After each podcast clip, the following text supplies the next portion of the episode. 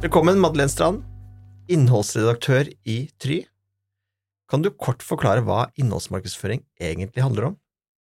Det handler jo om å skape innhold rundt et felt som er av høy interesse, sånn at du får inn målgruppen, og da får en kontekst til å fortelle om det du vil selge, eller budskapet ditt, eller det du har på hjertet.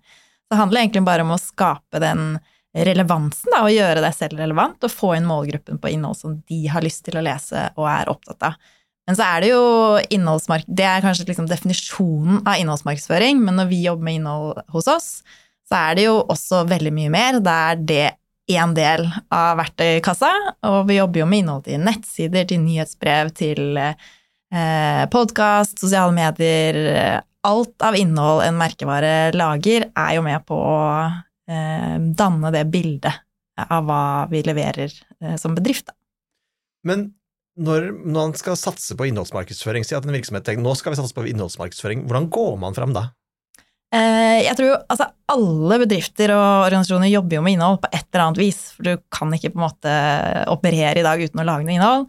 Eh, så jeg tror det viktigste er jo å begynne med en strategi, og så kan det høres ganske omfattende ut å lage en innholdsstrategi. For noen er det kanskje en one page man trenger, bare for å ha noe å se til når man jobber. Men hvis man jobber helt uten en strategi med innhold, så tror jeg man kan skyte litt i mange retninger. Sannsynligvis er det jo mange bedrift som jobber med innhold fra ulike innfallsvinkler, og av og til kan de jo til og med jobbe mot hverandre.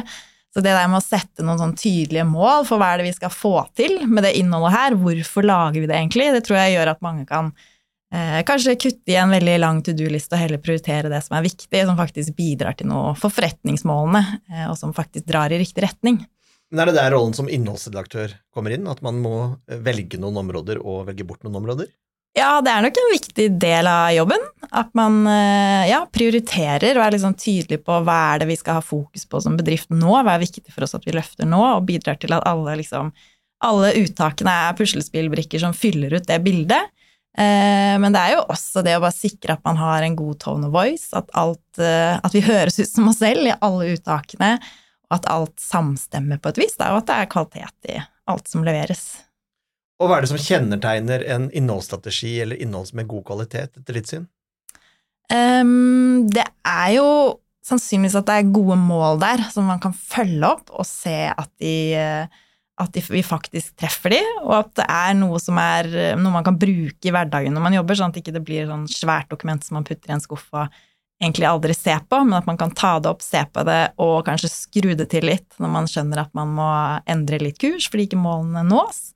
Så jeg tror det der å ha skikkelig tydelige mål for alt man gjør, eh, og at den er forankret hele veien opp i systemet, sånn at man faktisk får lov til å få det spillerommet da, til å lage det innholdet man trenger for å få det til, det, det er nok kanskje nøkkelen. Og innholdet du og dere produserer, eh, det er da på en rekke ulike flater. Kan du nevne noen? Eh, ja, altså nettsider er jo en stor del av det. Alle trenger å fylle nettsidene med godt innhold. Man skal jo være synlig på søk. Nærmest alle kjøp, kanskje bortsett fra impulskjøp eller sånn rutinekjøp, melk og brød, begynner jo med et søk. Så det der å være synlig er jo en stor del av det. Eh, men vi lager jo også type sånn annonsørinnhold som du ser eh, på eh, betalt plass på redaksjonelle medier, sånn type scrollytelling med ja, fine artikler med, hvor man bruker liksom alt man kan av den digitale historiefortellingen. Vi lager jo podkast, sånn som dette. Vi lager filmer, sosiale medier, poster. Vi lager egentlig i økende grad mye kundedialog.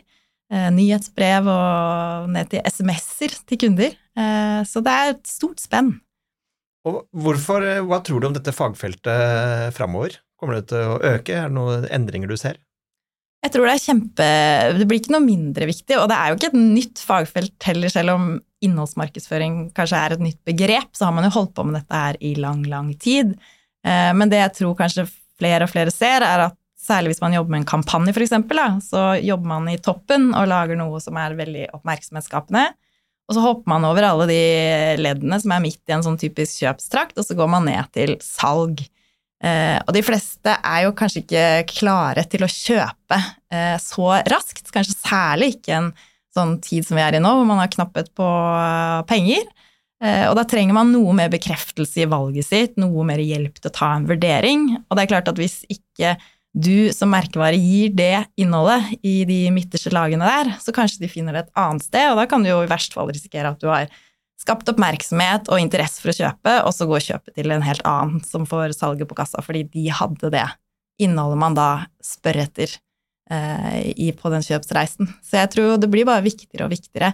Og særlig når produkter og tjenester der ute blir jo likere og likere, så det du kan skille deg ut på, er jo egentlig eh, ja, den kjøpsreisen og brukeropplevelsen underveis, da. Tusen takk. Hvis du avslutningsvis kort skal si hva er det egentlig innholdsmarkedsføring dreier seg om, hva ville du sagt da? Det dreier seg om å drive markedsføring på en veldig sånn kundesentrisk måte, fordi vi tar utgangspunkt i hva kunden er opptatt av, det de er engasjert i, og så fyller vi det, og så finner vi rom til å snakke om oss selv og hva vi vil selge etterpå. Hvis du vil lære mer om dette temaet, kan du enten gå inn på try.no, eller ta kontakt med fagpersonen du nettopp hørte. Kontaktinformasjon finner du i episodebeskrivelsen.